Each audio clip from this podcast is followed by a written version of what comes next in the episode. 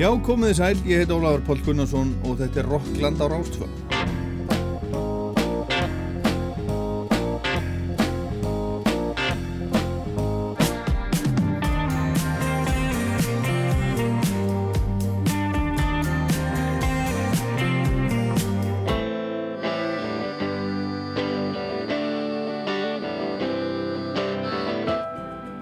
Nýjasta plata tónlistamansi Snorra Helgasonar heitir Víðillíð og samanstendur í raun af tveimur EP-plötum sem kom út stafrænt í oktober í fyrra og apríl í ár. Lauginn á þessari plötu samti Snorri á tiltöla stuttu tímabili í einni samfeldri innblástus sprengju, segir hann í frettatilkynningu og þau eiga það flest sammeðilegt lauginn að þau vísa í umrót og tilfinningarlega ringulreið unglingsáðuna, segir Snorri. En þegar átt að taka upp þennan lagabunga ákast Snorri að skipta honum í tvent og vinna fyrir hlutan með Guðmundi Óskari, vinnu sínum, Guðmundi úr Hjaltalín, en setni hlutan með Daniel Fridrik Böðvarsinni, vinnu sínum. Fyrir epiplatan, Gummaplatan, er þá á hlið A á nýju vínirplötunni, en setni epiplatan, Dannaplatan, er bjelliðin. Og Snorri Helgason er gerstur Rocklands í dag og við ætlum að fara vítt og breytt, hinga og þongað, aftur og baka áfram, spjallum heim og geima en hérna fyrst er lagaplötunni sem heitir Hæ Stína.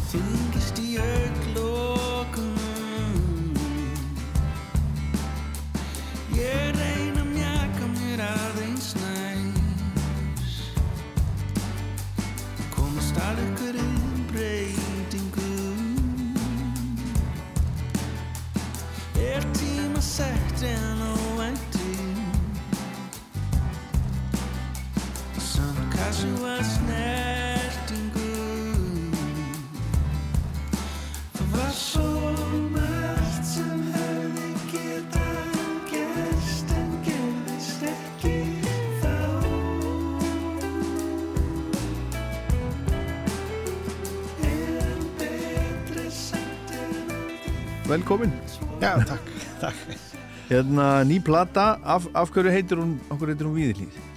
Um, Víðileg er gatan sem ég ólst uppið alveg þá til ég var 16 ára. Er það? Já. Hvar? Þetta er í hlíðunum, þetta er hlíðunum, hann að uh, við bara, við fórsvars kirkjugarða þar, með lífs og dauðar þetta kallar. Já, já, já, já, já, já. Uh, og já, ég ólst þarna upp og þetta var svona, uh, þetta var svona hjá mér vísun í bara þennan, þennan, ég, þar byrjaði að læra á gítar og þetta er svona mörgur lögin eru svona svolítið uh, byggð á svona unlingsárum mínum og, og svona svona nostalgíu pælingum eða það er bara mjög mikið það, veist, það, er, það er eiginlega bara öll lögin þetta er varð þannig varð einhvern veginn Er þetta svona uppgjör við æskuna? það gæti verið, ég veit það ekki sko, ekki byggt uppgjör en bara svona eitthvað ég veit ekki hvort þetta sé bara eitthvað þegar ég eh, er að vera eldri eða eitthvað þú veist, þá fer maður eitthvað að hugsa meira um fyrir eitthvað svona nostalgíu hugsanir sko, fara, og, og líka út í svona, þa- þannig sé til dæla nýjur og nýjórinn mm, faðir líka sko, það Já. geti verið að það hafi verið eitthvað Í fyrsta sinn þá? já, Já, þannig að það er svona það breytir nú ímsu. það geti verið, það er eitthvað svona, hefur bara eitthvað svona eitthvað í undir meðutundinni var eitthvað að krauma allt var, voru eitthvað svona myndir og hugsanir svona frá þessum tíma alltaf að poppa upp í hausinu Já. sko, þegar ég var að. En hvað, hvað, en þú veist, hvað slags myndir er þetta? Er þetta, þú veist, krakkandir í skólanum? Er þetta, er þetta, hérna, þú veist, einhver atbyrðir Já. tískan, já, sjónvarpið? já, bara fílingurinn þú veist, og, og svona og líka, þú veist, mikið eitthvað svona þú veist, fyrstu svona eitthvað tilruna með að detti í sleik og, og svo svona, þú veist, og, og, þú veist, jamma og drekka og eitthvað svona þetta og, og líka bara að, læra að spila gítar og vera svona að finna út úr því hvað hvað hérna, þú veist, hvað ég ætlaði að verða þú veist, ég, ég, þú veist, þetta er svona ég miða við þetta, þetta er svona kringum 2000 og það, það var ég svona, ég fættir 84 sko, ég er, það var svona 16, 17, 18 þegar ég er að byrja að, að, spila gítar og svona fer strax bara í að stopna hljómsveitir og, og hérna svona sé það bara mjög fljótt að þetta er það sem ég ætlaði að gera það sem eftir Þú, er. þú, þú ákast það bara þá? Já. Þú ætlaðir að gera þetta? Já, ég man bara mjög stert eftir því að tilkynnt vinahópin mín þú veist, þegar ég var svona átjánara bara, Ég ætla að vera tónlistamæður ég ætla bara að vera tónlistar Er það? Já, að það nú svolítið svona hérna, sjálfströst í það? Já kannski, kannski líka kannski er þetta líka bara út af því ég er náttúrulega alin upp af tónlistarmanni pappi jú. er tónlistarmaður og það var þú veist, ég hef verið, var bara sem barn alltaf, þú veist, eitthvað Ríó var að spila á Broadway eða eitthvað og þá var, þú veist, þannig, þetta var ekkert svo framandi fyrir mér, veist, það, það getur vel verið að það hafi spilað inn í, þú Það veist, er mér fannst þetta bara alveg öruglega Já, þú veist, bara eins og bara, þú veist, eins og bara fólk sem að vill verða rafvirki, þetta pappi þeirri rafvirki eða, eða, Mm. eða, þú veist flugþjóttn eða fóröldar í því eða eitthvað, þú veist, það bara svona það er bara, þetta var, þetta, þetta var ekkit eitthvað, þetta var bara eins, þetta var basic fyrir mér, þú veist, að vera tónlistamæður Já, þá, ég, ég, hérna, uh, ég trúi því að þetta sé eitthvað að hafa eitthvað með, með uppeldi að gera og, og, og það já, vegna þess að, að ég til dæmis bara, svo ég talir fyrir sjálfa mig, kemur hérna, þá var ég í hljómsveitum þegar ég var þú veist, 14-15 og svo þegar ég var 20 já, hvarlaði aldrei að mér að vera tónlistamæður nei, nei, nei, nei, því að það var bara ekki option. Nei, nei, nei það var ekki fyrir mig, það var fyrir einhverju aðra. Já, einmitt. Það var bara ekki, vera, var bara ekki inn í myndin ekki inn í myndinni. Þess vegna er ég búin að vera hér alltaf til já, já, En, hérna, en, en þú ert alveg upp hérna á milli lífs og dauða segiru ég, ég held alltaf að pappiðina því að hann er úr Kóbói, eða ekki? jú, jú. Ég held alltaf að, að þú værir úr Kóbói já, já, þetta er, þetta er mjög og pappiðina hefur fa- aldrei farið úr nei. en hann fór úr Kóbóin hann fór úr kópóinu sko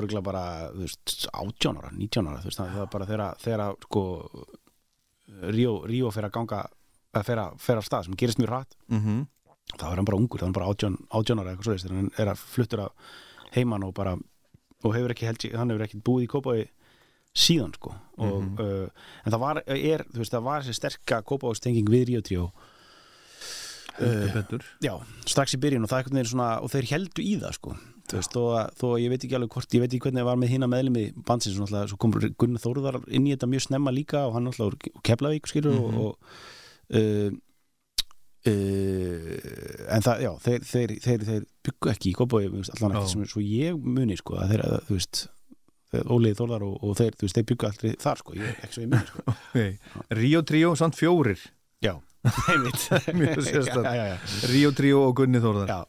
En hérna uh, uh, aðeins meira Ríó. Sko, hefur þú gam, gaman af Ríó? Eða, eða þegar þú varst krakki og unglingur hafður þú gaman af Ríó, Tríó? Já, uh, já, já, algjörlega. Og hérna náttúrulega þegar ég er krakki þá eru þeir bara mjög aktífir ennþá, þeir eru þeir fyrsta leið voru aktífir mjög lengi. Þeir eru nú eru uh, þú veist, hættu aldrei. Þú veist, ekkert svona uh, og voru, veist, alltaf að gefa út plötur. Gáðut, uh, voru lengi vel bara, gáðut bara, mm, bara mjög, mjög fáar aðrar íslenskar hljómsættir sem hafa gefið út ja, margar plötur. Mm -hmm. og, og þeir. Og hérna uh, og voru mitt, já, aktífi frá svona se- setni tíma uh, svona setni part 6 svona alveg til uh, 2004 eða eitthvað, þá, þá kom síðasta blötan út veist, þá, og það var alveg bara frekar reglulegt all, allan þennan tíma, alla þessa ára tíu sko. og þegar ég var lítill, þá voru þeir alveg ennþá, veist, bara frekar vinsæl pop hljómsveit, sko. Þannig að uh, jú, mér fannst það mjög gaman, sko, bara hafði gaman að því, sko. En þið hafið ekkert, ekkert spilað saman þú, þú Helgi P? Jú, sko, ég hef spilað með Ríó. Ég hef gert það, já, ég, ég tók við spilum það eitthvað sem hann í Eldborg stutt eftir Óli Þóra dó Mm þá, þá var ég hérna og listi hann af í raun og verið var, var Já, á hinn, gítarinn sko. já, Ok. já, já, Þannig að það voru þá, þá uh, pappiðin og Gústi Já. og Gunni já, og þú Já. Supergrúpa? já, og svo eiginlega Björn Tórs líka sko. þetta, þú veist, það, það var undir, lokin var það, það eiginlega orðið sko, kvintett sko. Já, já. Herðu, m- hérna plataði ný og hún, hún byrjar á, á lagi sem heitir Hausti 97 já, Skulum heyra það, en hvað, hvað er þetta uh, farað þarna? sko þarna er þetta er eiginlega bara svona pjúra uh, nostalgíu pælingar og þetta er svona vi- vitna í svona fyrst, einmitt það sem við erum að tala um á svona fyrstu uh, sleikana og, og fyllir í inn og, og svona vandræðagangin að vera úlingur og í raun og veru líka svona að ég er að sjá þarna er, er ég svona mun, er ég svona uh, svolítið að sækja í það svona þegar ég er að finna fyrir þessari tilfinningu sem að gerði mig svona, svona óks og ég áttaði mig á að ég vildi vera tónlistamæður það er, svona, svona, það er svona svolítið sem ég er að vitna í, í viðlögunum á þessu, og, á, þessu og, hérna, en þú veist, ég segi 97 þá er ég sko 13 ára þá var, ég, þá var þetta ekki komin þetta bara, ég þurfti, mér vantaði bara rímorð við sko bensinstöð og mér fannst 97 ok. svona næstu því svona næstu því gekk. En það hefði átt að vera svona 2001 kannski, það hefði já, verið það er að, nákvæmara. það er gaman að vera 13 ára. Já, það er gaman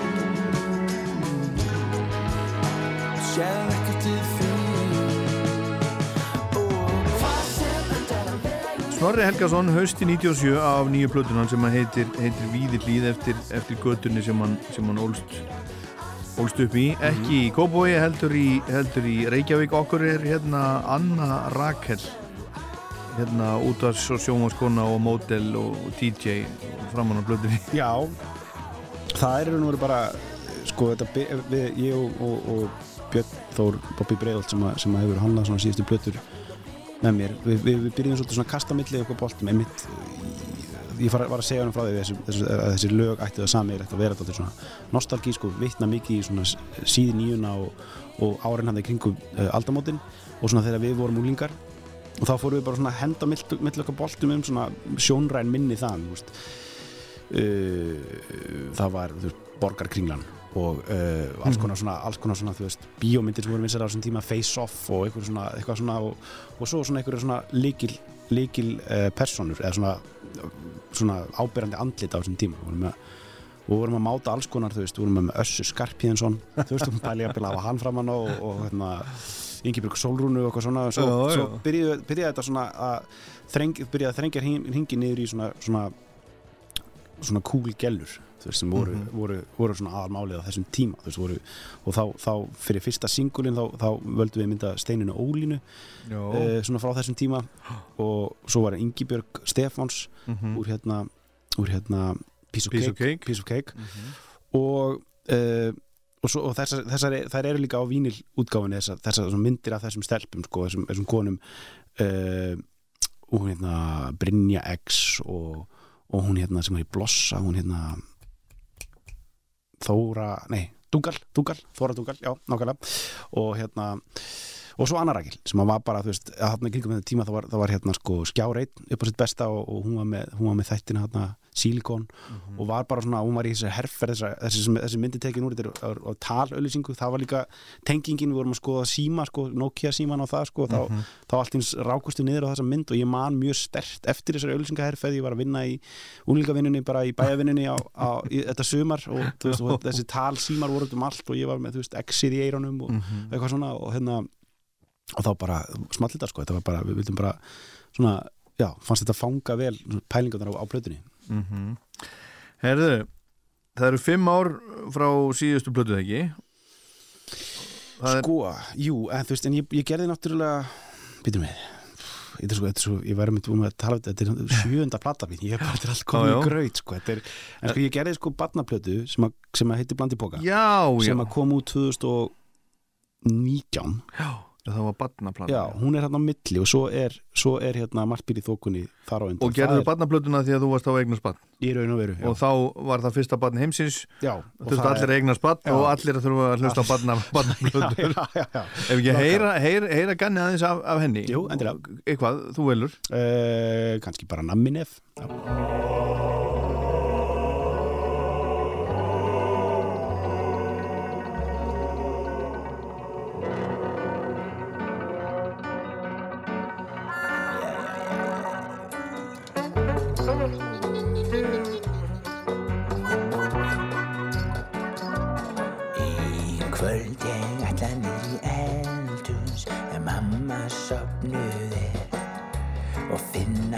Sem hún það berur og tróða því í munnin á mér.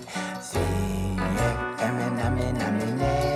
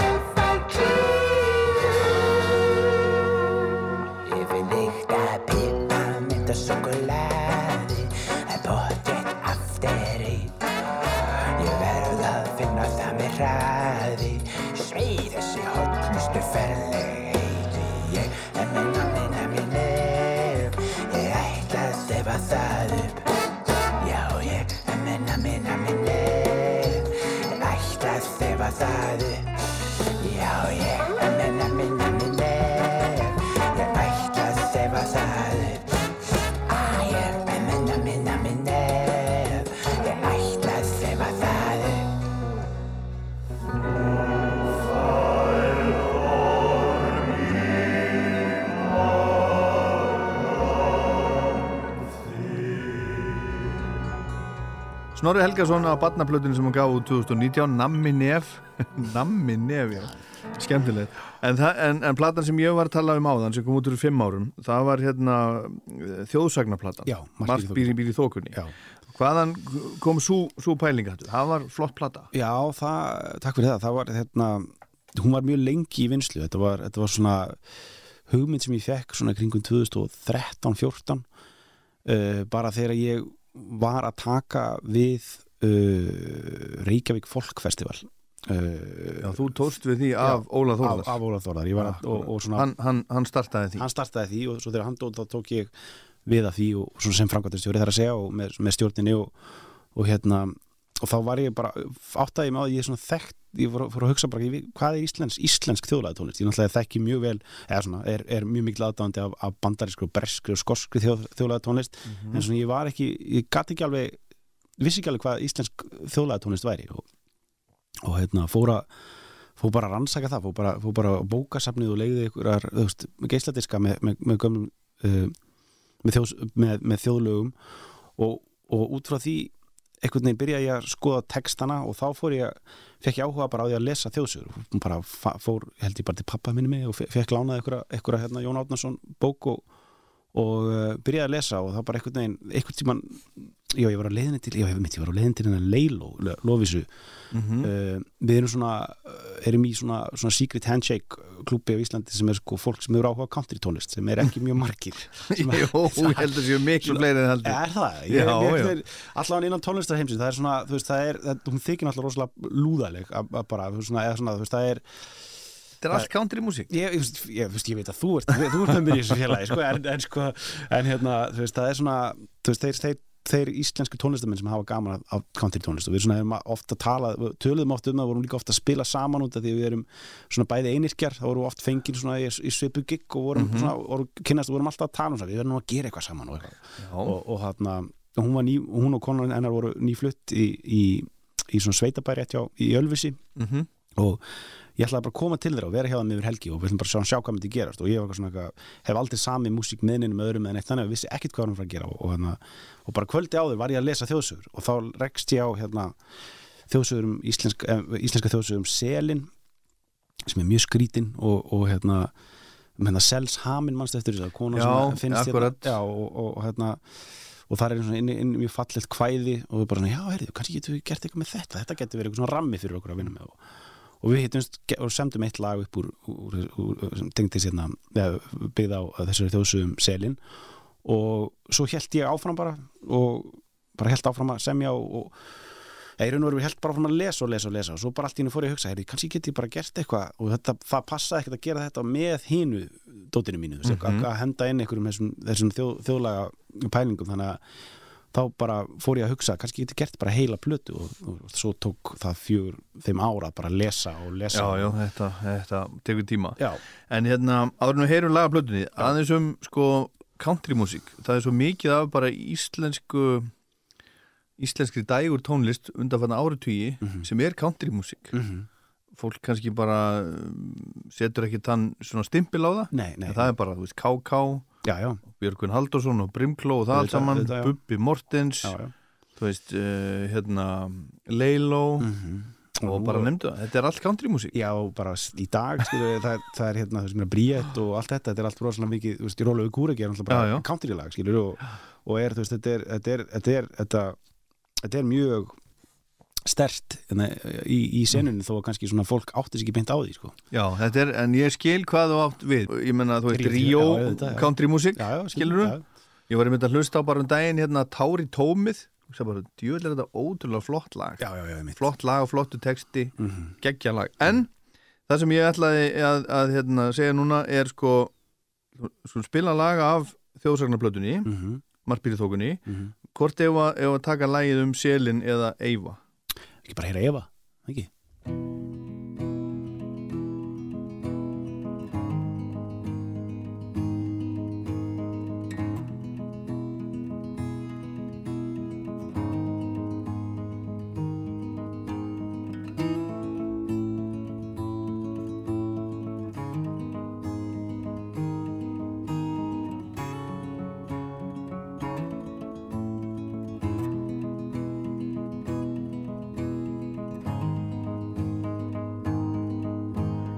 Í tvo tugi ára relt þig hafa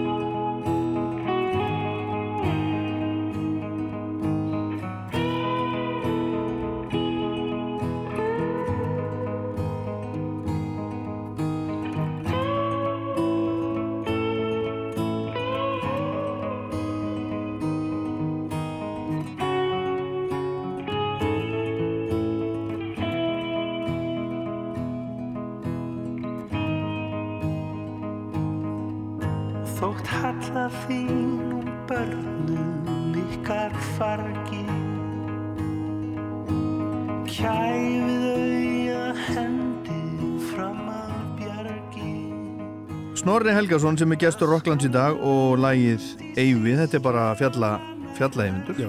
ekki? Jú, jú. Já, já. Það var mjög, sko, góð saga einu sinni, þá var ég beðin um að koma að syngja á Bessastöðum uh, það var að vera að afhenda íslensku bókmyndavelun og uh, ég þá nýbúin að gera þessa blötu og þótti bara mjög við hæfið svona bókmyndalegt tónlist eða þannig sé og Mhm. þarna svo er ég starinn inn í ykkur eldhúsinu og, og, og mæti Guðina, fórstita og hann er þá með ykkur útbrentaða bláður já, herði, já, Snorri, ég sé þú, þú ert að fara að syngja hérna lag Eyvi og hvað er það um hinn, hinn eina sanna? Og ég eitthvað, já, er hinn eina sanna og, og konuna hans.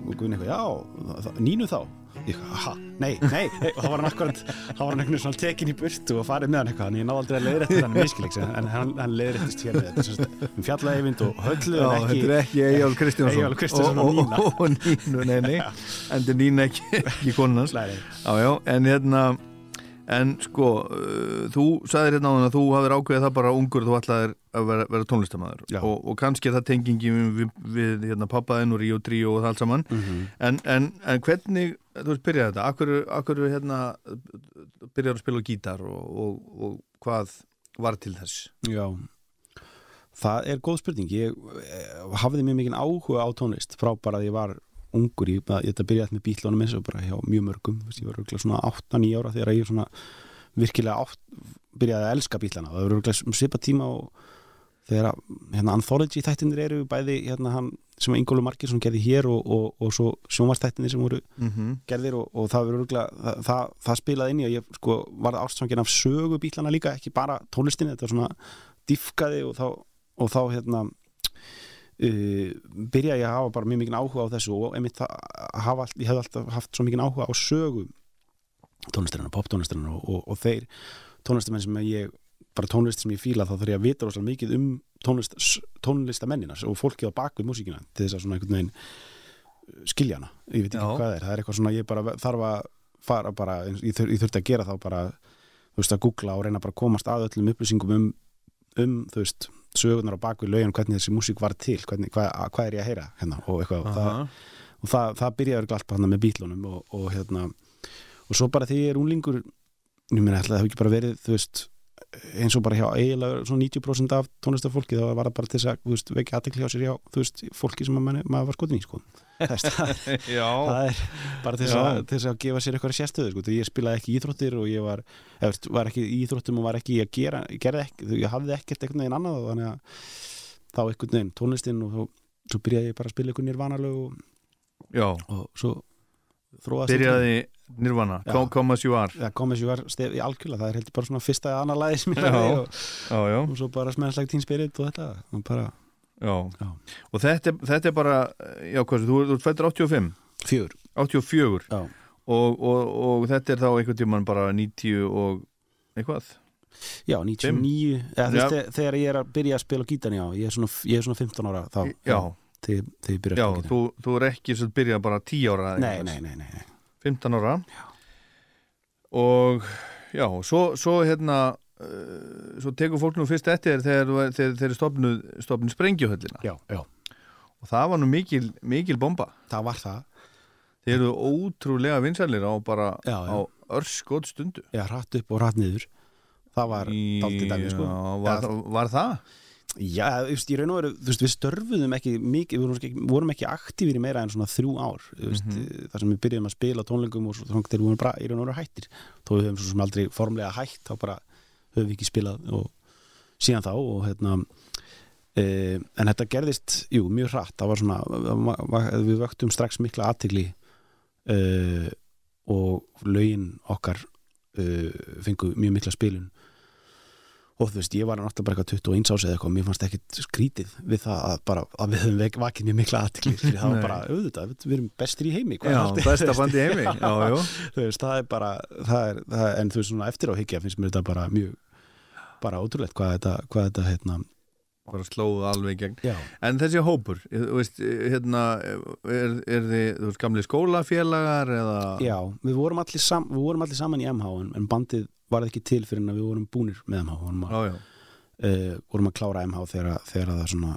smellir saman og það er, verður til í kringum það þegar Bergur Ebbi, vinnu minn fór að, fór að semja músík, hann, hann byrjaði bara að læra á gítar svona, hann var þá svona 21 ást tvekja þegar hann Þegar að læra já, læra á gítar? já, hann bara, þú veist, bara læriði tvo, tvo hljóma og svo langaði hann bara, hann, hann hafði bara svo mikið hann hefur bara svo mikið að segja sko, að hann hérna uh, byrjaði bara bara eins og bara Dímanur okkar er held ég bara fyrsta lagið sem hann gerði, eða eitt af þeim og það er bara, það er bara tvei hljómar og, og svo bara texti Þarf ekki meir. Nei, það þarf ekki meir og hérna og ég Það er alltaf lítið að tvekja hljóma lögum ég veit það, það er ekki svo gaman. Já, Róturönnir með Modern Lovis, það er bara tvei hljómar akkurat, hann já, já, það gott. Frábært. Já. Já, Uh, en allan, já, þá, þá, hann byrjaði að semja lög og ég var ráðinn inn sem gítarleikari í það. Og það bandi var svona, það kjarnin af því var til þegar, og það, við áttu að vera bara svona lít gítaristi Já. og svo svona hægt og rólega var ég, veist, nógu konfidenta til að sína þeim þessi lög mín sem ég átti þá. Já, já. og Bergur samtið þá texta við, við þau. Uh, ég var þá bara með eitthvað svona já. bull texta. Og, og er, er við erum í sambandi eitt af, eitt af þeim? Já, Á hann textan Já. Gekkja lag, við skulum heyra það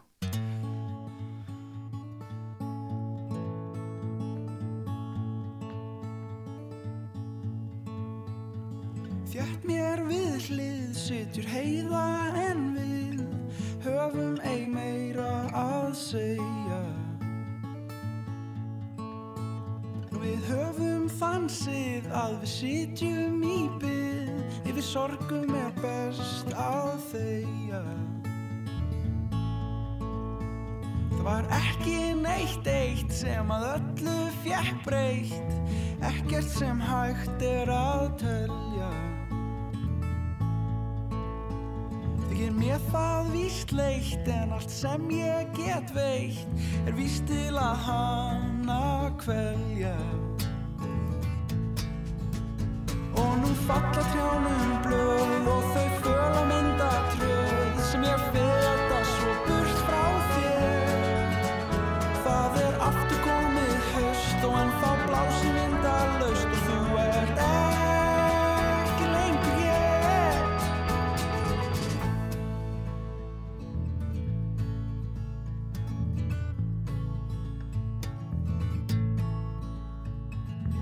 veist hvað ég vil ef þú vilt vinna ill Vertu þá ekki að hringja.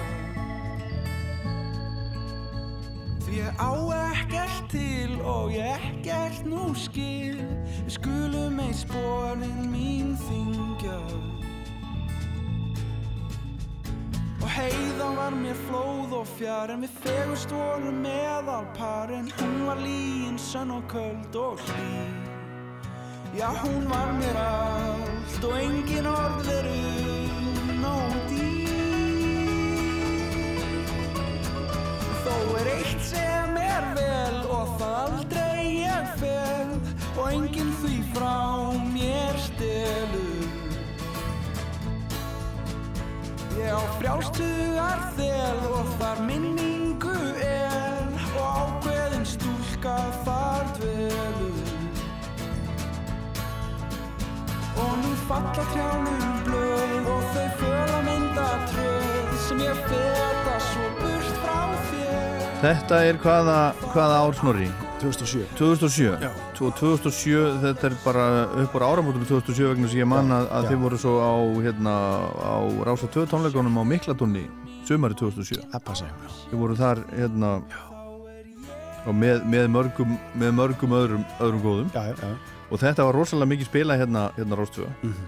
og, og ég man þegar ég heyrði þetta sko mér finnst þetta mjög flott, mér finnst þetta, var alltaf fundist þetta mjög flott lag. Og hérna bara líka skemmtilegu texti en líka bara svona uh, skemmtilegt gítarspil og svona. Og ég, ég tengdi strax við sko Bob Dylan eitthvað. Mhm, mhm. er það einhver áhrifavaldur? Já, mér? Já, heldur betur. Já, hann er svona, ég, það er mörg ár þar sem ég var bara gjössamlega með hann á heilanum sko, las, las allt sem ég komst í og, og það er svona aðeins, aðeins róast í því upp á síkasti sko, en, en, en hann, er, hann er mjög stór áhrifavaldur Já. já.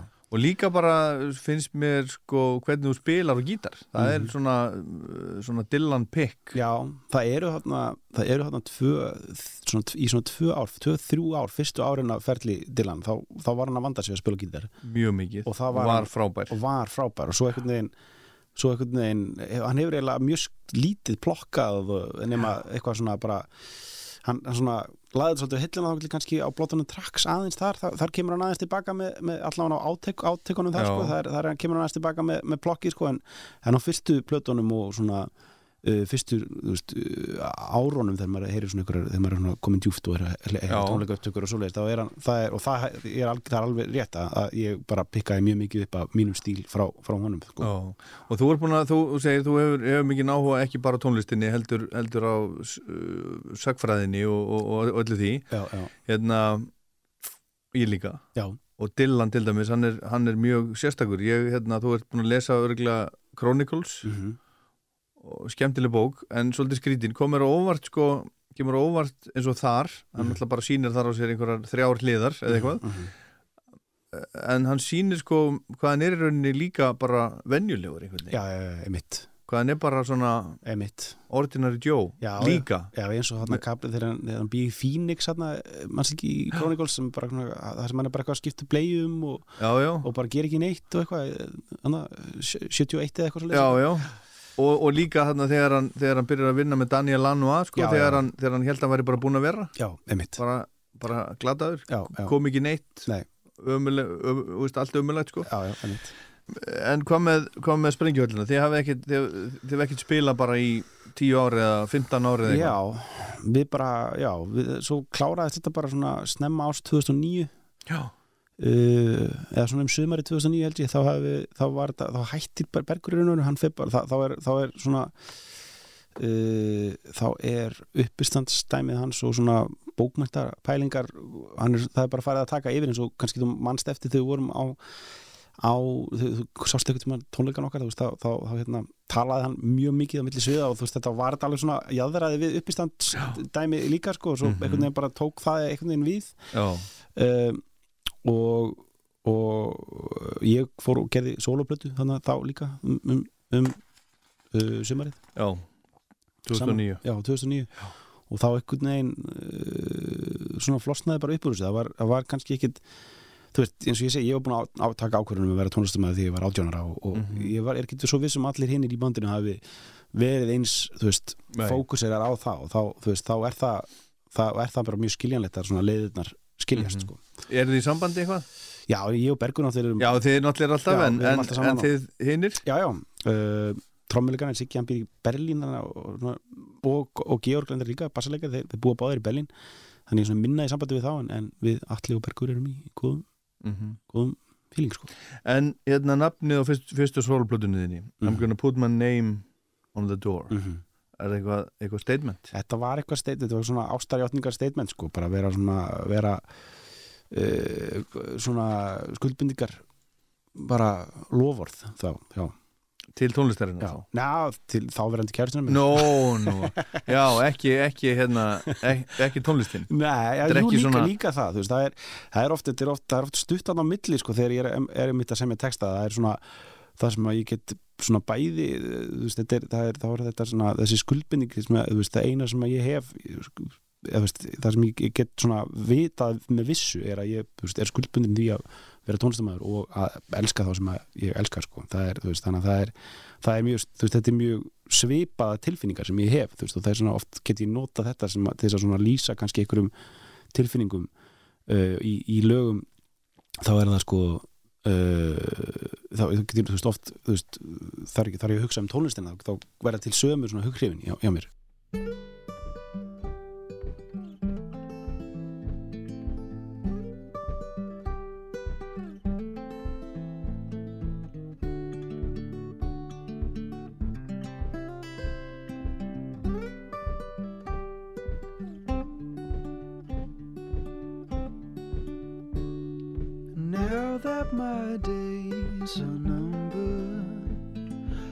I sit and pray, thinking about our days,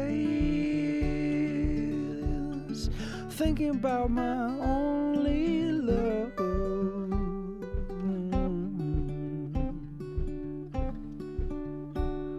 And now that the hour is coming. I sit and howl, yearning for a kiss,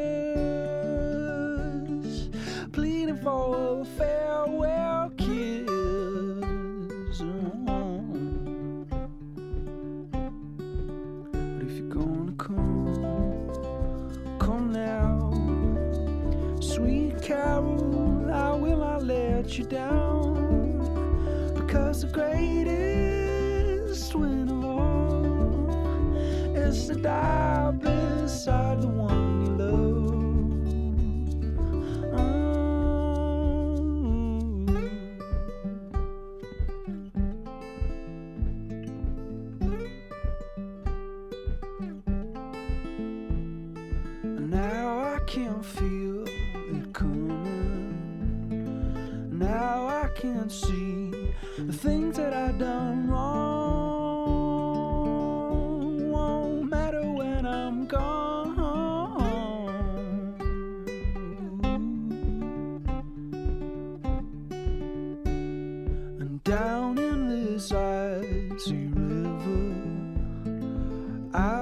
close my eyes for the very last time.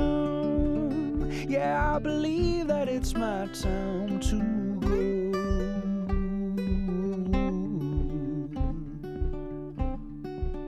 But if you're gonna come, Þetta læti Karol Snorri Helgason er hérna, þetta er á fyrstu soloplötunan sem kom út uh, 2009 rétt eftir að sprengjuhöllin var, var hætt hver er þessi Karol? Það er bara eitthvað nafnum til loftið sko. Já. bara hljó, hljómaði vel. Uh, og uh, þarna var, þetta- þarna var ég mjög mikið þarna var ég svolítið svona að átta með því þó, þó ég hafi í sprengjöldinni líka alveg verið með þessi, þessi þjóðlega tónlist eða fólk tónlistar tendisan eins og, eins og ég verið í sabati það er svona mjög uh, svona þjóðlega skotið lag. Að þannig er ég svona fann að átta með alveg fullkomna á því að það sé svona, það er hjarta mitt sko, ég tala alltaf upp sjálf mig sem þjóðlega tónlistamann þó að sko ég held, ef ég myndi horfa blákalt á það þá er bróðuparturinn miklu meira eitthvað sem heitir pop heldur en, heldur en þjóðlega tónlist en svona ég, ég hugsa alltaf um sjálf mig sem tónlistamann Folk Music Artist. Já, folk music. Og þannig er þetta að syngja á ennsku og þú hefur sungið bæði á íslensku og ennsku mm hver, hver er svona hvaða síni hefur á það þú veist, okkur er sumt á ennsku sumt á íslensku. Um, Þarna þessar Ríó Tríó ald- aldrei á ennsku Nei, nei, emitt ég, þarna, þarna var ég bara um, bara blákalt að reyna að stækka markaðsópum minn, það var bara þannig. Var, ég var að, vildi koma plötunum mínum út á erlendi markaði og þarna var ennþá, voru náttúrulega plötur ennþá að seljast og eitthvað svoleiðist, þannig að maður var að halda maður held í ykkur vonum að, að, að gera það og ég, þú veist, fyrstu árin þá túraði ég rosalega mikið, það var mjög mikið fenginn til þess að hita upp fyrir, fyrir alls konar bönd, Hjaltalín og Rettur Steffsson og svona eitthvað áskiltrösta þegar hann kom og, og fleira þá það var svona út af því ég er einn og Mhm. get bara mætt með kassagítarinn og það er auðvelt að slengja mér við túra þess að ef Mhm. að vantaði upp, uppbytun Já, þú mennar útlenska túra Já, útlenska túra, já. já, emitt og innlendar enda líka, en, en svona þá, þá var ég mjög mikið að spila úti og, og þessar plötur fyrstu, þessar sem koma, voru á ennsku kom allar út í í Evrópu og svo leiðis og, og svona ég reyndi, reyndi fyrir mér í því en svo svona hætt og rólega, þú veist, það bara, maður svona klárar gasið sitt í, í, í þessu svolítið. Ef að Já. sérstaklega ekki, þú veist, það, það fór aldrei neitt eitthvað svona almennlega af stað, þá, þá þú veist, ég var bara að taka eitthvað túra og tapa á því, þú veist, var, vera, vera út í þrjá mánuði og e, þrjár vikur og, og þrjár, sex vikur eitthvað svona og koma tilbaka bara í mínus. Já, og þú veist, það gengur ekkit endalust sko, það er, það er mjög erfitt. Nei já. sérstaklega ef þú ætlar að líka að reyna að vera með band í kringu og svona og þetta, þú veist, það er bara það er bara, En, en svo, svo má líka horfa á þetta bara út frá sko, þú veist, þetta er náttúrulega að segja, ef að menn eiga í sig og á þá er þetta náttúrulega stórkostlega reynsla. Ég heldur betur. Gaman, þú veist, Já. að vera að ferðast spila lögin sín og láta klappa fyrir sér. Algjörlega. Og það er, það er líka það sem að ég líka uh, var aldrei svona bara meðvitaður um á, á þeim tíma að þetta væri líka skóli fyrir mig. Að bara að, að fara veist, í ykkur tú, túrum Póland í þrjár vikur Mhm. og, og hérna bara spila hverju kvöldi fyrir fólk sem að veit ekkert hver þú ert og reyna, reyna að vinna þau yfir á þitt band og, og reyna að koma veist, því til skila, skila hver þú ert og hvað þú ert að reyna að segja. Og það er bara það er mjög dýrmætt reynsla og mikið svona sem ég veist, byggja á, ég bjóð líka í London í smá tíma þar sem ég var bara að spila eins mikið ég mögulega gat og harka. Já. Bara til þess að líka til að taka mig út úr íslenska samfélaginu bara svona að bara aðeins kipp undan með teppinu. Og, og það var líka bara einmitt, sama þar, mjög, mjög svona lærdómsríkt og bara mikill mikill skóli sko. Talandi um, um skóla uh, Fóstu í tónlistaskóla? Nei, nei, Aldrei? aldrei. Engin tónfræði, ekki, ekki neitt neitt svoleiðis Þannig að þú kannt ekkert? Ég kann ekki neitt, ég veit ekki neitt það er, þú veist, það, það var líka hugsunin eins og einmitt, þegar ég fótt í London og svona bara, bara ég, vant, ég vi- vissi að ég þyrti að verða betri, ég þyrti, þyrti meira til þess að skara fram úr eða til þess að búa mig til eitthvað svona sérstuð. En bara ég þurfti þá að geta að spila meira og þá bara þurfti ég að fara í þessa túra og gera allt þetta til þess að svona til þess að læra. Og út af því að ég eftir faldri fæði í nám og maður er einhvern veginn mjög fastur á því og er það eiginlega svo daldið enn að bara ég ætlaði, ég, ég vildi gera þetta með mínum, með mínum eigin uh, svona, uh, undir mínum eigin svona á mínum eigin fórsendum og hérna uh, og, og svona hjælt þessu svolítið svona þessum, þessum neista eða þessum, þessum svona litla uh, já, það, það sem ég fann inn í mig bara þannig að ég var ungur eitthvað, ég var mjög passa samir á að hleypa engum í það sko, að ég vildi bara einhvern veginn að gera þetta algjörlega eins og ég sá þetta fyrir mér sko, og með þá þessu, þessari þrjóskulegu skrýtnu pælingu að þurfa sko, að kynna mér tónlistasöguna og einhvern veginn og, og einhvern veginn gera þetta eftir mínu höfði sko. það var aldrei svona þrjóst uh, þrjósk afstæða sem ég tók mjög snemma og hef einhvern veginn haldið við síðan sko. en uh, já, þetta var alltaf mjög, mjög já, lærdóms ríkur, ríkur, mjög lærdómsríkur tími að geta fengið að túra svona, ég get ekki gert þetta í dag þegar ég bara batna og eitthvað svona og, Mhm. Og, er, eh, og svona eins og ég segi bara svona, svona, svona, svona klárar sitt eh, bensín til, að, til að gera þetta til að vera í ykkurum túrböss og, og, og bara borða ykkur hvít, hvít brauð og, og, og bjór, þú veist, það er bara, gengur ekki Herðu, við ætlum að heyra næst þetta lag sem að heitir Kveðja. Segðu okkur aðeins frá, frá því. Já, það er að plötu sem heitir Autumn Sky sem kom út 2013 ef ég maður rétt og þarna er ég svona, þarna er breytingin að eiga sér stað sem ég er svona aldrei líður eins og ég get ekki lengur tjáð mig á ennsku eða svona ég bara ég finn eða fann það þegar ég prófaði að gera skiptið og, og taka bara aldrei svona bara hart, harða beigju og byrja að semja á íslensku að mér leið einhvern veginn eins og það væri og svolítið óplæður akkur svona, það var eins og væri bara en önnur svið í heilanum á mér eða eitthvað sem voru virkjast í svona gatt gat tjáð mig betur og fyndi betur svona mína rödd og, og það var svona að byrja þarna, hefndi ég segja.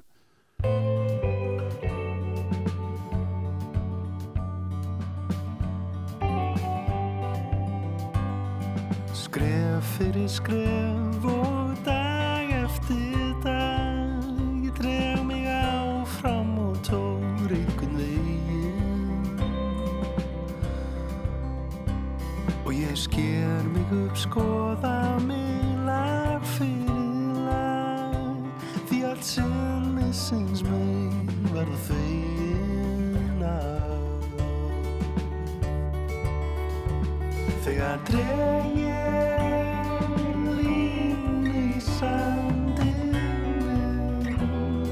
og hausnóttinu varða mungu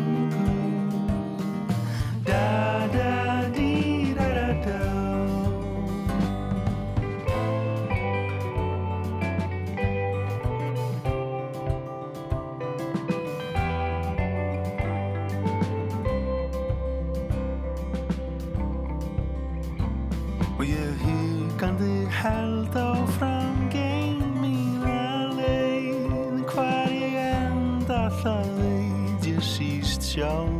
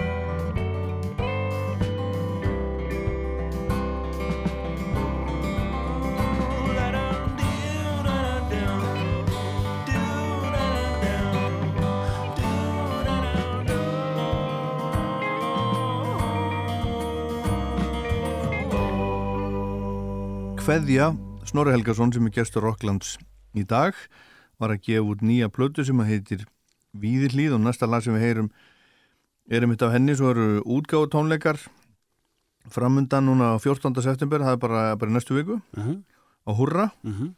sem er búið að vera svolítið þinn heimavöllur, er það ekki? heldur betur Þú er búin að vera að vinna þar sem tónleikabókari eða, eða hefur, hefur Já, verið ég, þar? ég gerði það uh, fyrstu árin þegar, þegar hann var ég ætla að það ekki verið 2013 cirka í alveg fimm ár til 2018 ég, ég, þá, þá sá ég um að, að, bóka og, og, og svona aldutanum uh, tónleikahaldið og, all, já, allt það Hvernig er nú að vera í svona samskiptum með tónlistamenn? það er, þið, er þið með vesen? nei, Ha? nei, aldrei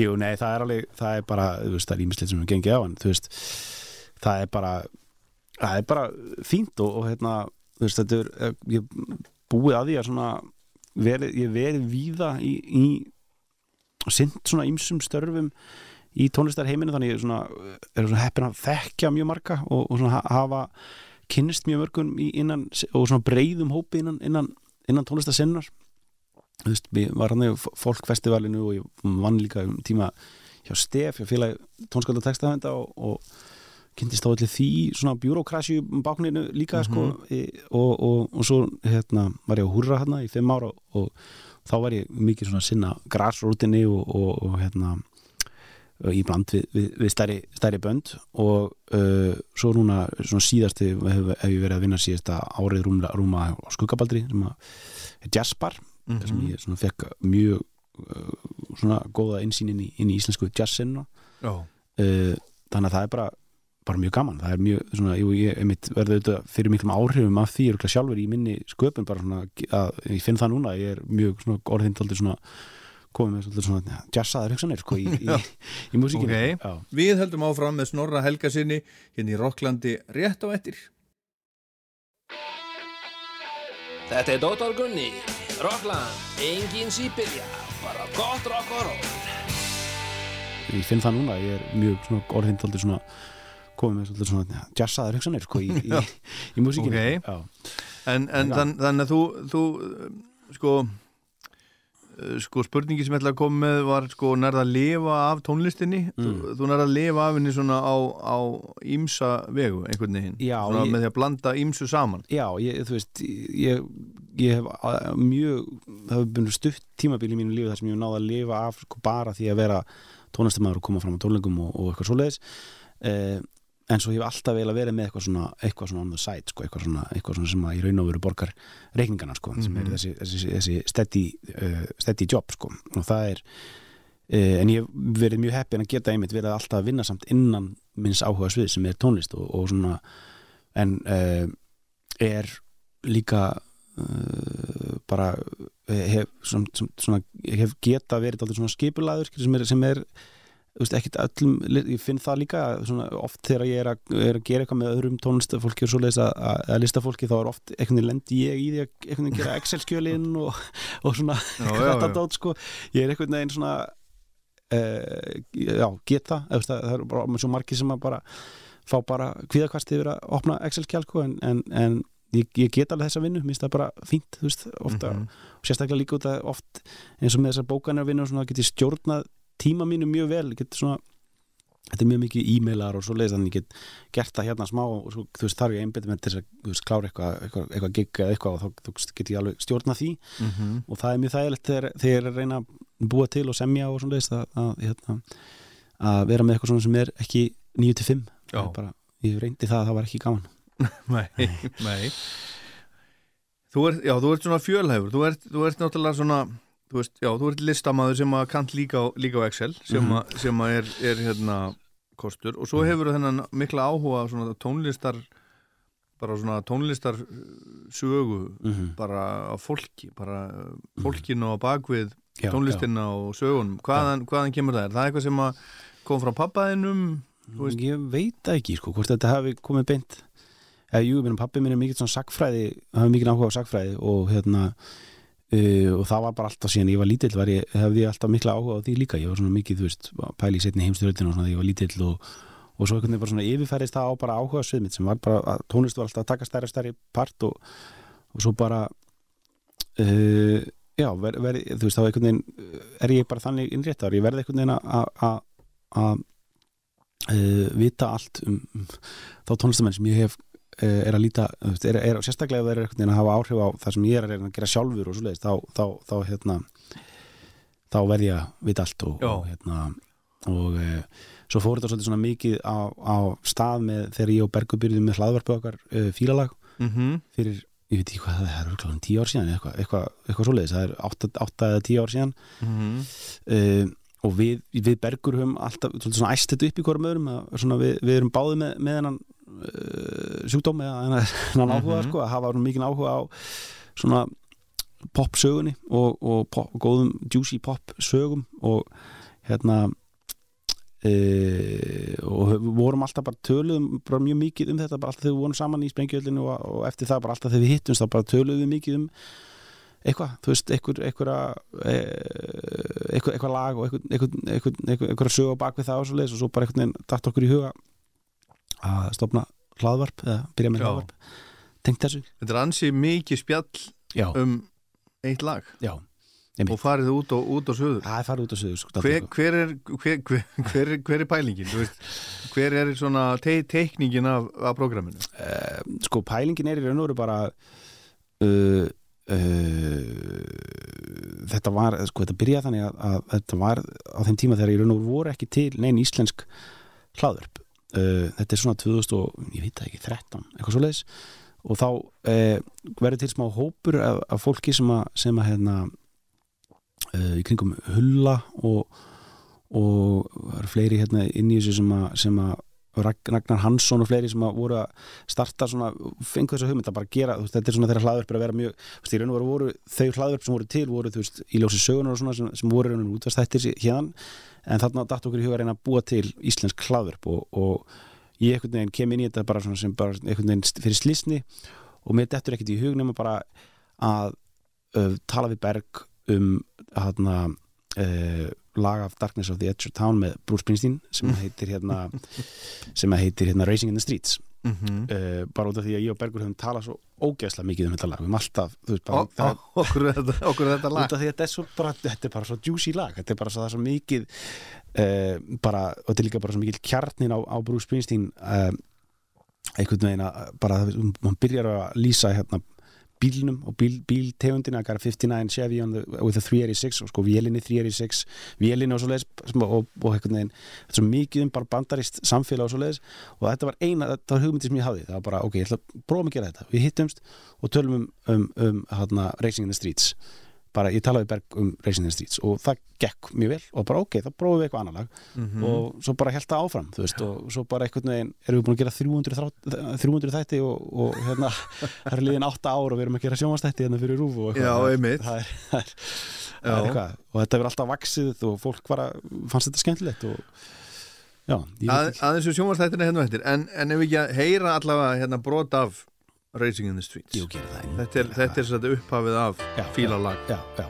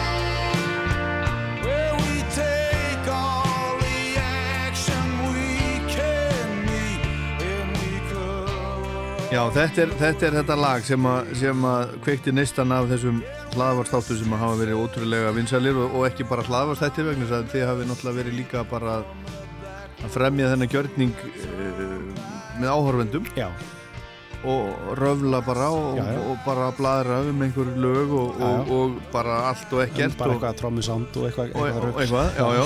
Og, og svo er þetta orðið- sjónvarsþættir en ég menn ekki, ekki er þetta, þú veist, klukkutíma sjónvarsþættir um Nei, eitt lag? nei, þeir vera stittri þeir, þeir eru, það er pælingin að þeir verður svona kringin 20 mínútur eitthvað svo leiðis um, En, en er það samt sama þið tveir að spjalla saman? e, Já, e, e, sko e, þegar við höfum verið að gera þessar, þessar, gera þetta live eða á sviði e, þá getum við nota miklu meira myndefni sem getum náttúrulega ekki gert í, í hlaðvarpinu þá kviknaði þessi hugmynd að, að gera þá vídeo, nota, nota vídeoefni og þá uh, kemur svo hugmynd að- fara til Rúf og spyrja þau þau hefði áhugað þessu og, og hérna, þá fengum við bara að fara hérna í safnið mm -hmm. og uh, finna til alls konar myndefni sem tengjast þessum lögum við, ætlum, erum að gera átta þætti og, og ákvæmum mjög snemma er að vera íslensk lög bara upp á svona uh, leifismál og svo leið líka bara til þess að geta nýtt íslensk Akkurat. uh, nýtt íslenskt efni og hérna við förum þá sem sagt í safnið og veljum alls konar efni úr safninu sem að tengist uh, svona því sem við erum að tala um varandi svona bara feelingin og um hvað lagi fjallar og, og svona og bara líka bara um hvað sko, hverjir hlusta á þetta lag í, og í hvaða aðstæðum og svo leiðis, mm það er það er aldrei svona mikið partur af þessu líka og bara hvernig lögin eru til en það er, eh, og svo, svo sem sagt klippuðu saman myndband úr, úr uh, út frá þessum svona talpunktum okkar sem við spilum svo í lokin á, á þáttunum á, í, í, í sjónvarpinu. Og uh, já, það er pælingin. Og eru þið búin, búin að taka þetta allt upp? við erum búin að taka þetta upp, já Og er þetta skemmtilegt? ég er ekki búin að sjá þetta, ég er mjög stressaður. Ok. við tókum upp sko tókum upp átta þætti á þrejum dögum. Já, og já, þetta var bara eitthvað, þetta, þú kannast, við- þetta er bara eitthvað þetta er móða og, Þetta er bara, bara, er bara- sjóma skóan. Já, ég bara veit Ég er ekki- full að tróða okkur sko. Herðu, en hérna Næsta lag.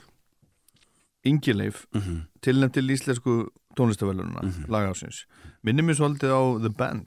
Já, Er það eitthvað?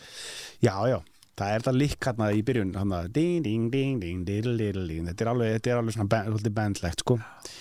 og bara líka svona þessi trommuleikari Magnús Tryggvarsson Eliasson sem er í mörgum böndum er, Öllum hljómsveitum já, já, og vera, ég er búin að vinna með hann núna í, í já, veist, við vorum saman í MH vorum saman í Ljónsveit þá og, og svona unnið saman með, með hlíum eiginlega síðan vorum já, 18 ára Mhm.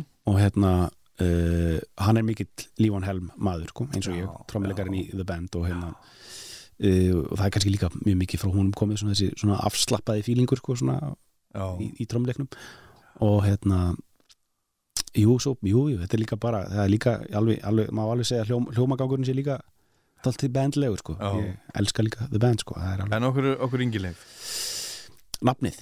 Uh, ég rakst á það, ég bara var að semja ég, það, var dóttir mér nýfætt og ég var að bí, bí nýr í, í, í vesturbænum og var að lappa í ringi í Hóluvalla kirkjugarði bara og svæfana. Hún svaf best ef ég held bara áfram að labba þannig að stundum labba í þrjá klukkutíma.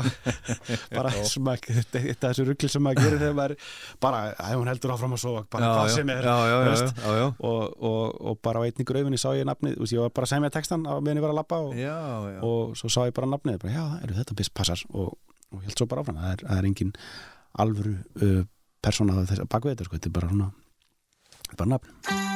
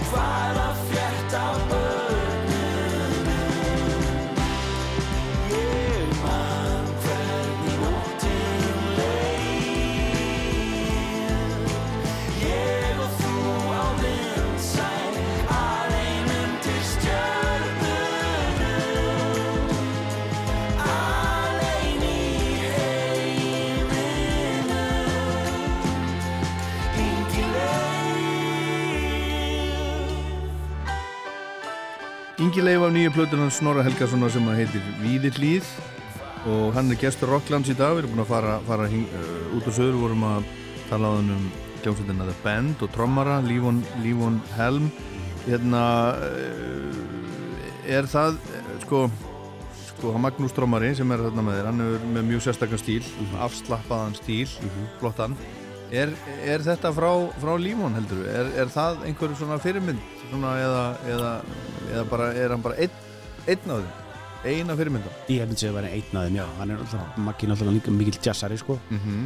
uh, En veist, ég, ég, ég, ég, ég greini veist, Mér finnst ég greina, bara líka því ég veit að hann elskar Lífon Helm, sko ég, Mér finnst ég greina mikil sterk áhrif að hann, sko en, uh, Og líka út af því að, að Lífon Helm er með svo rosalega sterkan stíl Hann er svona mjög einkennandi trómalegari já, og uh, Maggi er það líka þú veist, verður þetta svona einhvern veginn þá verða sterk hurinn tengst alltaf milli sko. mm og þú ert ekki bara þú veist, þú ert gítarleikari en þú ert ekki bara að spá í gítarleikurum eða söngvarskáttum, þú spáir í trommuleikurum líka og Já, pródúsirunum og Já, já, allir þessu og já, svo er nú annar, annar hérna skemmtilega trommari sem er dettur í hugsko sem er Jim Keltner. Já, og mér finnst alltaf að við eigum einn svona Jim Keltner sem Já. er, sem er hérna Raggi Sigurjóns sem var í Mánum og Brimkló. Emmitt já. Skagamaður, já, já, já, það er svolítið Jim Keltner í honum mér, einmitt, frábær trommari og var í Dumbo og Steina í gamla daga líka og já, svona, já, já, já, emmitt mikið af, mikið af góð, góð fólki. Já, En hérna uh, átt ekki, eða sko, þegar þú varst í sprengjuhöllinni, varstu þú ekki með hérna, hérna, White Falcon? Nei, Bergur átti G- Gretsch, Já, Bergur- var það, átti já. hann hann? Já.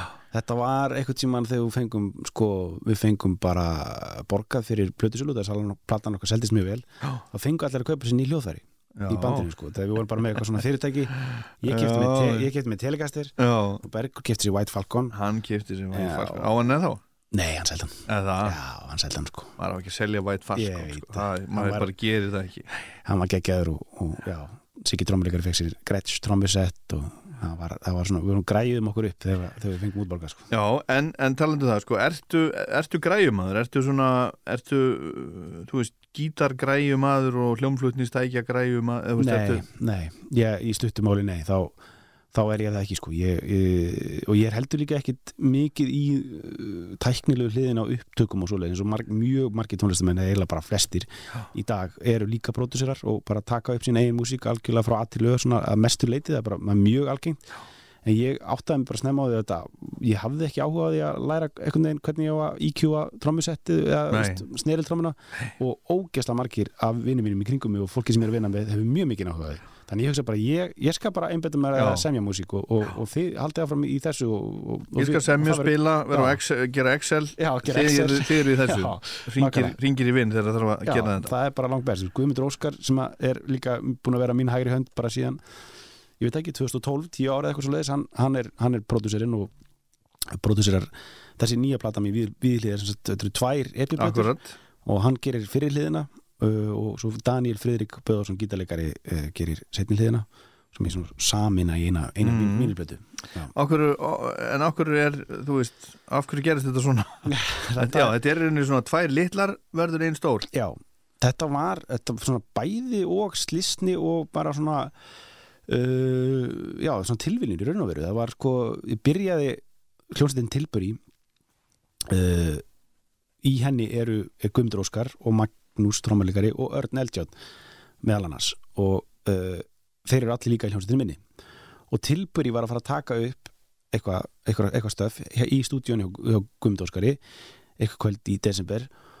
Og uh, ég, og, Guðmi, Guðmi var að segja mig frá því og, og þarna ég bara, á, bara stakk upp að ég bara nýta uppstillinguna. Bara stilla upp fyrir mækana, fyrir trommunar og allt og allir mættir. Ef ekki að gera eitthvað að taka upp eitthvað stöf með mér líka bara daginn eftir. Mhm. og þú veist, við, við, allir mættir og allir búin að stilla sér upp og klárir. Og það var bara já, jú, endilega. Og við hringdum þá í Tóma Jóns hljómbásleikara bættum honum við og, og hittum svo bara eitt kvöld og tókum upp þennan fyrri þessa, plötu sem að, þessi fjögur lög sem að er á fyrri plötun sem ég átti bara til hérna og, og, en komist ekki meira. Þetta var í desember og svo bara komi, jú, þú veist, bara, kom bara desember eins og desember er það sem að enginn hefur tíma til eins og allir er að gera eitthvað alls konar uh, og svo eftir jól einhvern veginn heldur ég og Gummi áfram að svona dúlla okkur í þessu, taka upp söngin og eitthvað gítara og eitthvað uh, og svo dettur Gummi daldið svolítið, hann er svo mikið í, í, hérna, í Bubba borgarleikursunni, hann, mm hann er Mhm. tónlistastjórinn þar og Örn líka, Örn gítarleikari og svona, þannig að svona, hann var svolítið busy og uh, á sama tíma var ég með eitt lag sem mér langaði til að taka upp í aukalega við þetta en ég réði ekki alveg við að leika og spila á gítar. Þegar ég bara, þú veist, ég var búin að æfa mig í svona tvö ár og var bara, ég var svona rétt búin að ná þessu svona, ég hefði getað svona svona rétt marið þetta en þetta var svona, þetta var svona flókið gítarpikk og það væri, ég hugsa bara, það væri svo geðveitt ef eitthvað myndi bara negla þetta. Og þess vegna hringdi ég í Danna, gítarleikara Mm. og bað hann um að bara hvort hann geti gert þetta með mér. Og þá, þá pælingi var að gera bara þetta eina lag og það gekk svo ógstlega vel og Danni spurði bara, átti ekki eitthvað meira, ekki að gera eitthvað meira? Og þá átti ég þrjú önnu lög í viðbót og þá bara heldum við áfram með það. Og þá, þú veist, á meðan kláruðu við þessi, þessi fjögulög sem ég gerði með gumma og þau komu út á epiplötu og á meðan held þá svona á sama tíma var ég að byrja að gera hinnaplötuna og svo einhvern veginn varð þetta, varð þetta bara fjögur og fjögur lög og þetta er svona sami lagabunkin. Þú veist, þessi nostalgísku lög þannig að mér fannst þetta bara eitthvað svona skemmtileg pæling að skipta þeim upp í pródusera og sjá hvernig Ríðilega gott. já, já, Og hérna, næst síðasta lagi sem við ætlum að heyra, það er flott lag, heitir Sigrún. Mm. Hvað er það? einmitt, það er svolítið það er svolítið hérna fyndin pæling þetta er, e, sko, ég hugsa að þetta var svona einhver, þarna er pop fræðingurinn í mér að ruggla í mér þannig að ég hugsaði bara ég, svona, ég er svona singer-songwriter uh, gaur og ég, ég á ekkert lag sem er bara svona CF lag ég var ekkert, það er alltaf eitthvað svona aðeins flókið eitthvað, ég var ekkert svona bara alveg basic sé yfir í F-lag. Og mér bara, ég, það gengur ekki, ég verð að gera það. Og svo bara byrjaði að spila C og F og út frá því uh, bara kom, byrjaði þessi texti bara koma á þetta lag og þá bara kom það sem að gerist eiginlega aldrei hjá mér. Það kom bara svona, kom bara bara komplett út einhvern veginn á einum bara ein, einni bara svona, bara, bara, bara kom út um mér. Og þetta er yfirleitt sem ég lag eða, þú veist, la- svona melodíu hugmynd og svo svona er ég að stöggla í svona eitt, tvö ár við að klára textan og eitthvað, reyna að fá okkur hugmyndi vanandi það. Um, þá var þetta bara einhvern veginn þetta bara, en þetta bara allt í nú var ljóslifandi fætt Hver er veist, uh, tengdamann mín heiti Sigrún uh, og ég á tvær mjög góða vinkunar sem heita Sigrún. Þetta bara einhvern veginn var nafn sem var bara einhvern veginn í loftinu þegar ég byrjaði að spila C og F sko.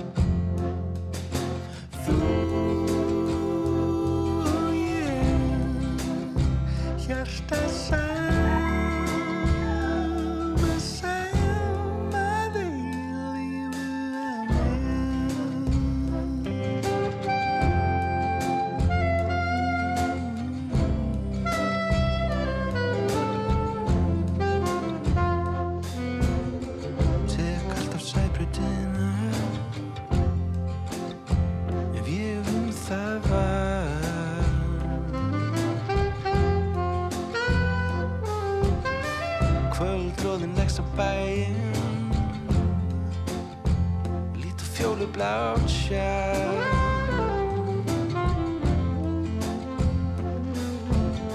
Sé þið stundum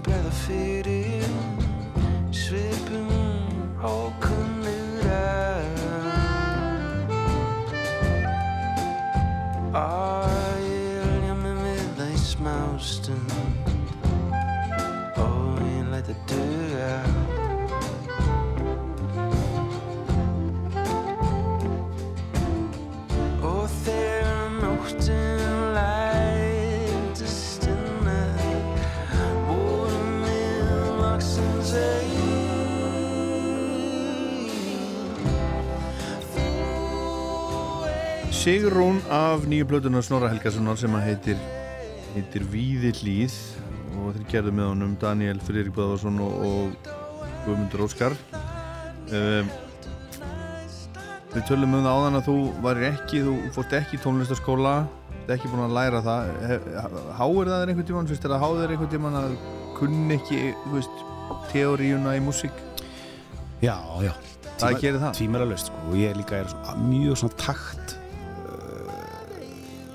laus Er það? eða svona, þú veist ef, bara, ef, Ég hef ef aldrei tekið eftir því. ef ef þú berð mig saman við sko, þú veist, mennina sem er í ef, fólki sem er í kringum eins og, eins og Guðmund Óskar og Magnús Tryggvason og, Tómas Jónsson Daniel Freyrik sem eru svona sprenglariður og alveg 100% einhvern veginn músíkantar sko þú veist, ef þú spyrir þá þú veist, ef þeir, einhvern tíma ég kem einn, tveir, þrjú, telinn á alveg vittlisum takti og þeir bara þurfa að redda sér, veist, það, það er miljón svona moment þar sem ég er og spila bara eitthvað svona, veist, algjörlega úr takt og svona missi fókusinn og einhvern veginn næ ekki, einhvern veginn, byttum við, hvað erum við hérna? og eitthvað svona, en það er líka rosalega gott, eins og ég finn það þú veist, ég er alveg svona vísvitandi að halda, halda frá mér ákveðinni veist, til þess að verða ennþá spenntur, þú veist, ef, ef ég er að gera einhver, einhver, einhver hljómarreyfingu sem að, veist, aðrir vita er hérna fyrsta sæti mól hérna og yfir í þriðja sæti eitthvað dúr, eitthvað svona, eitthvað dót sem, að, sem er, það er allt, þeir, þeir, fólk veit þetta ég veit þetta ekki, ég vil ekki vita þetta Nei, ok. þá er svo hrættur um að ég missi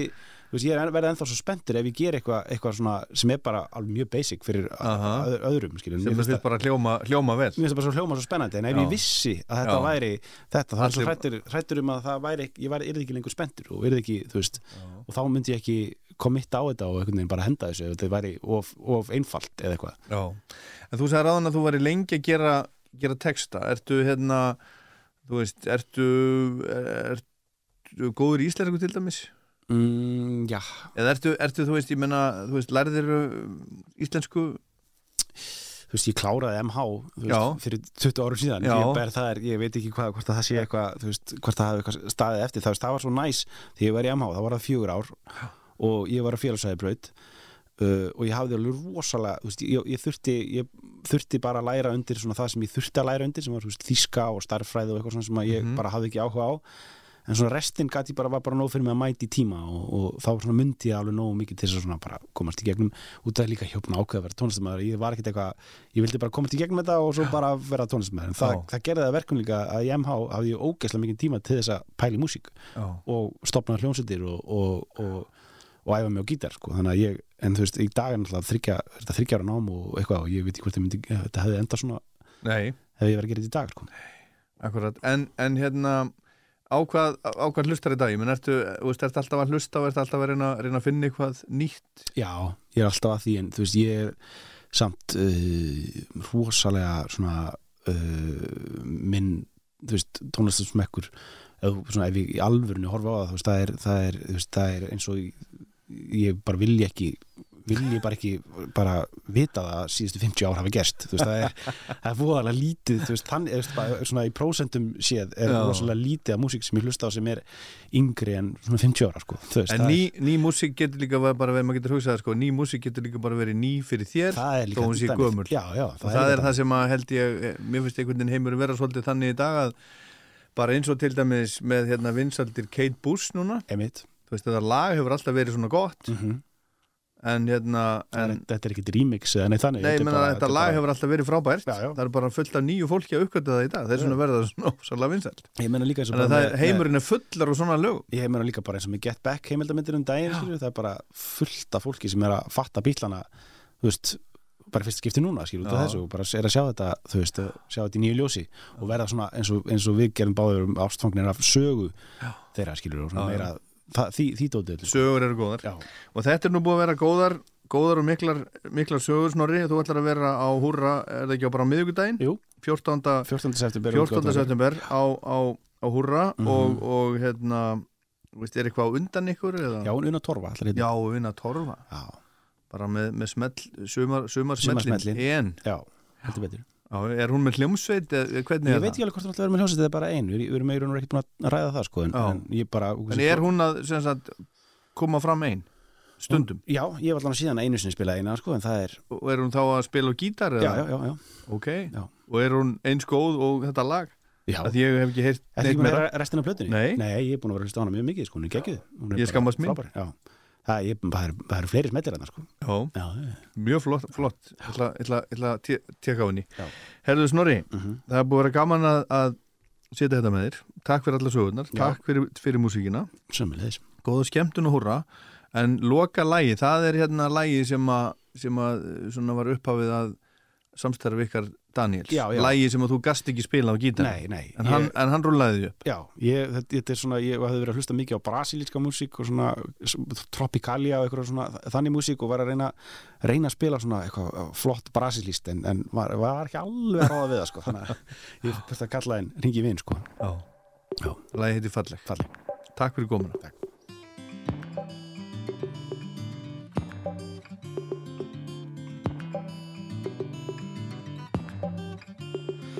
Falleg. Og hann var hár. Laus og liður.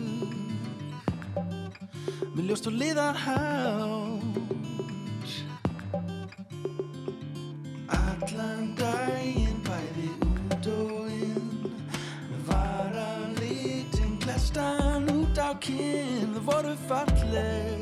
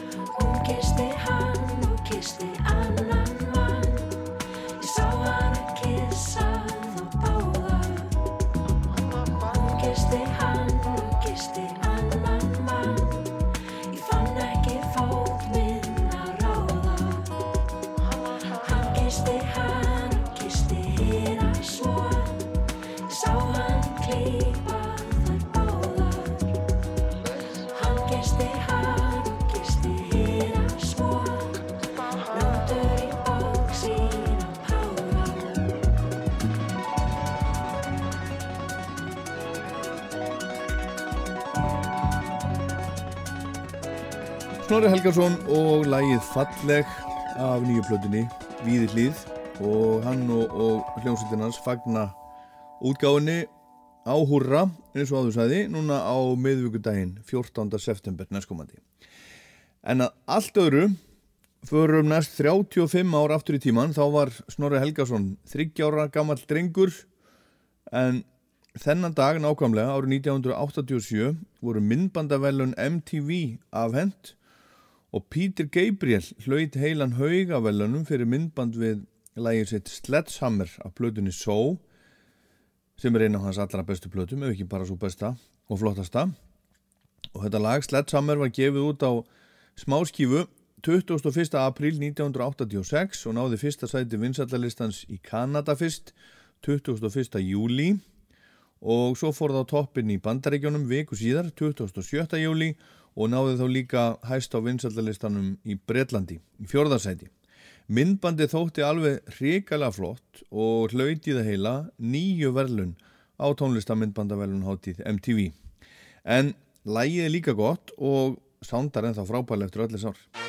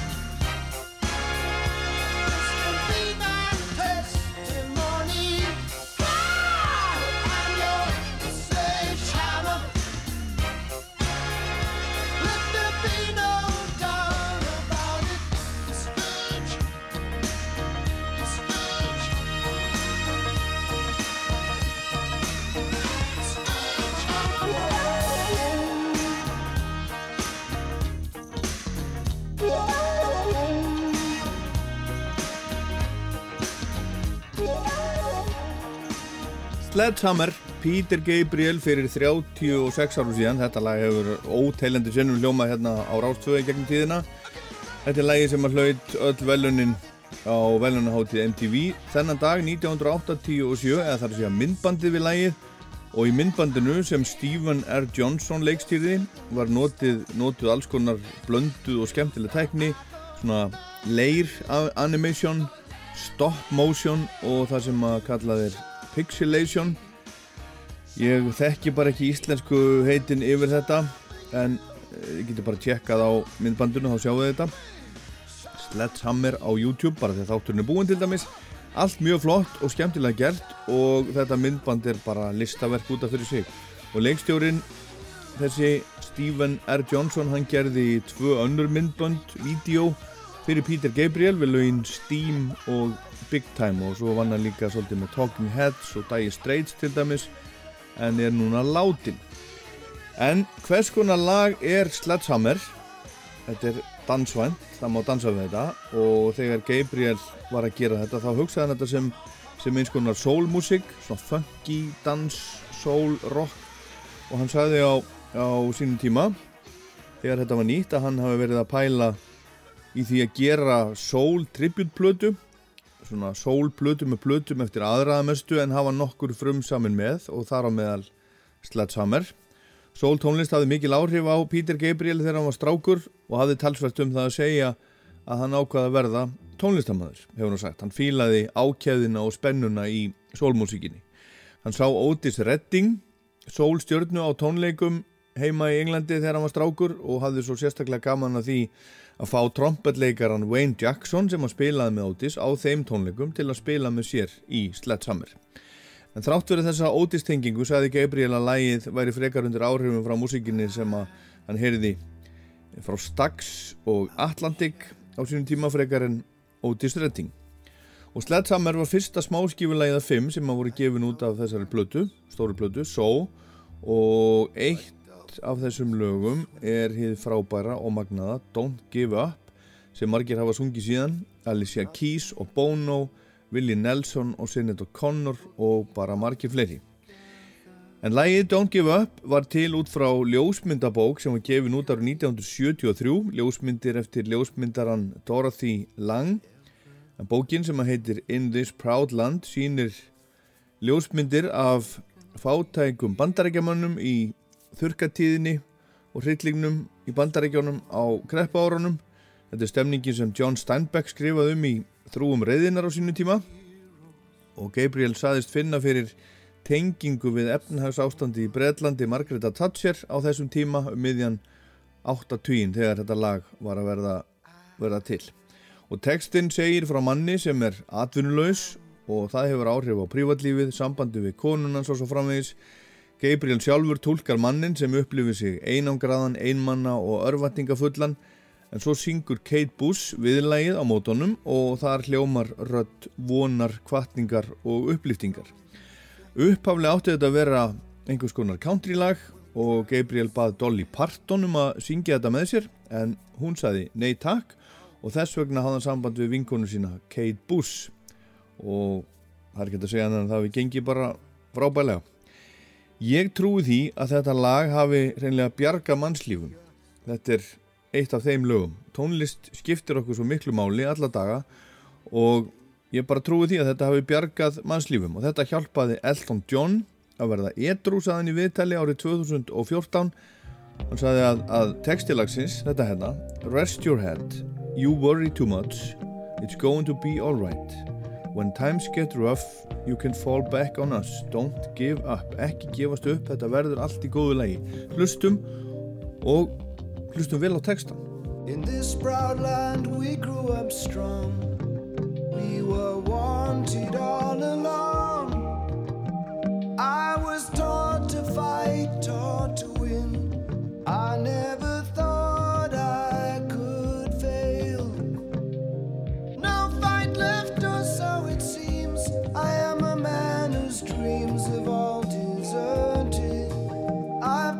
my face, I've changed my name,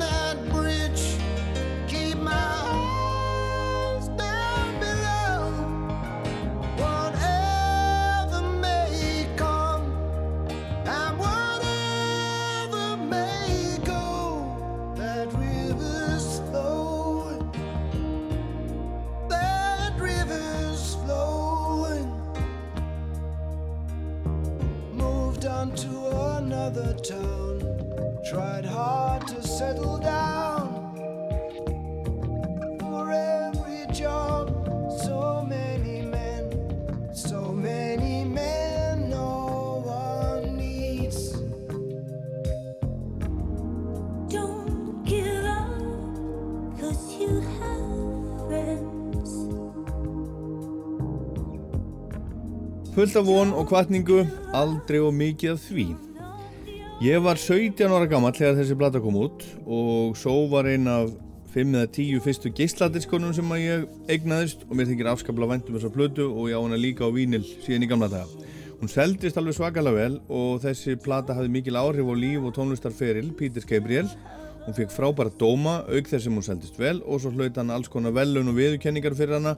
Hún var tilnæmt til Grammy-veluna, plata ásins en tapaði fyrir Graceland blödu Paul Simon sem var líka reysastóra á þessum tíma. Og hún er á öllum þessum listum yfir bestu blödur sögunar ég mæli með henni dag og nótt allt áriðu kring. Daniel Lanois er upptökustjóri blödunar sem hefur unnið mikið með Bob Dylan, U2 og svo framvegis. Og það eru alls konar stefnur og stílar í gangi. Svona art, pop og rock blanda saman við áhrif frá Afríku og Brasilíu til dæmis. Og nýjustu soundtækni og vísindi. Svo er fymta stúdíoplata Gabriel sem að var auðvitað í gamla daga söngverinn í hljómsveitinni Genesis hætti þar og fór að vinna einn. Fyrsta sólarplatan hans kom úr 1977, önnur 78, þriði 80 og fjóruða 82 og þær heita allar Peter Gabriel þessar blöður. Svo kom So og svo kom Us sjötta plata 1992 og síðasta eiginlega sólarplata Up kom út 2002 fyrir 20 árum. Hann hefur gefið út slatta af músík síðan reyndar en það hafa verið endurgerðir uh, af gömlum lögum eins og til dæmis plata New Blood sem hafa komið út 2011.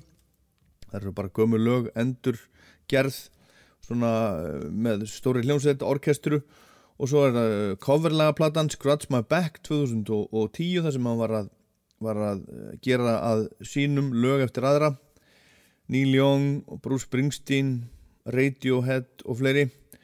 En hann er með plötu í smíðum hún er búin að vera lengi í smíður reyndar en samkvæmt bestu heimildum á hann að koma út núna í ár, vinnuheitið er 1-0 1 og 0 en við skulum enda Rocklandagsins á einu lægi til viðbútar af Só frá 1986 læginu In Your Eyes.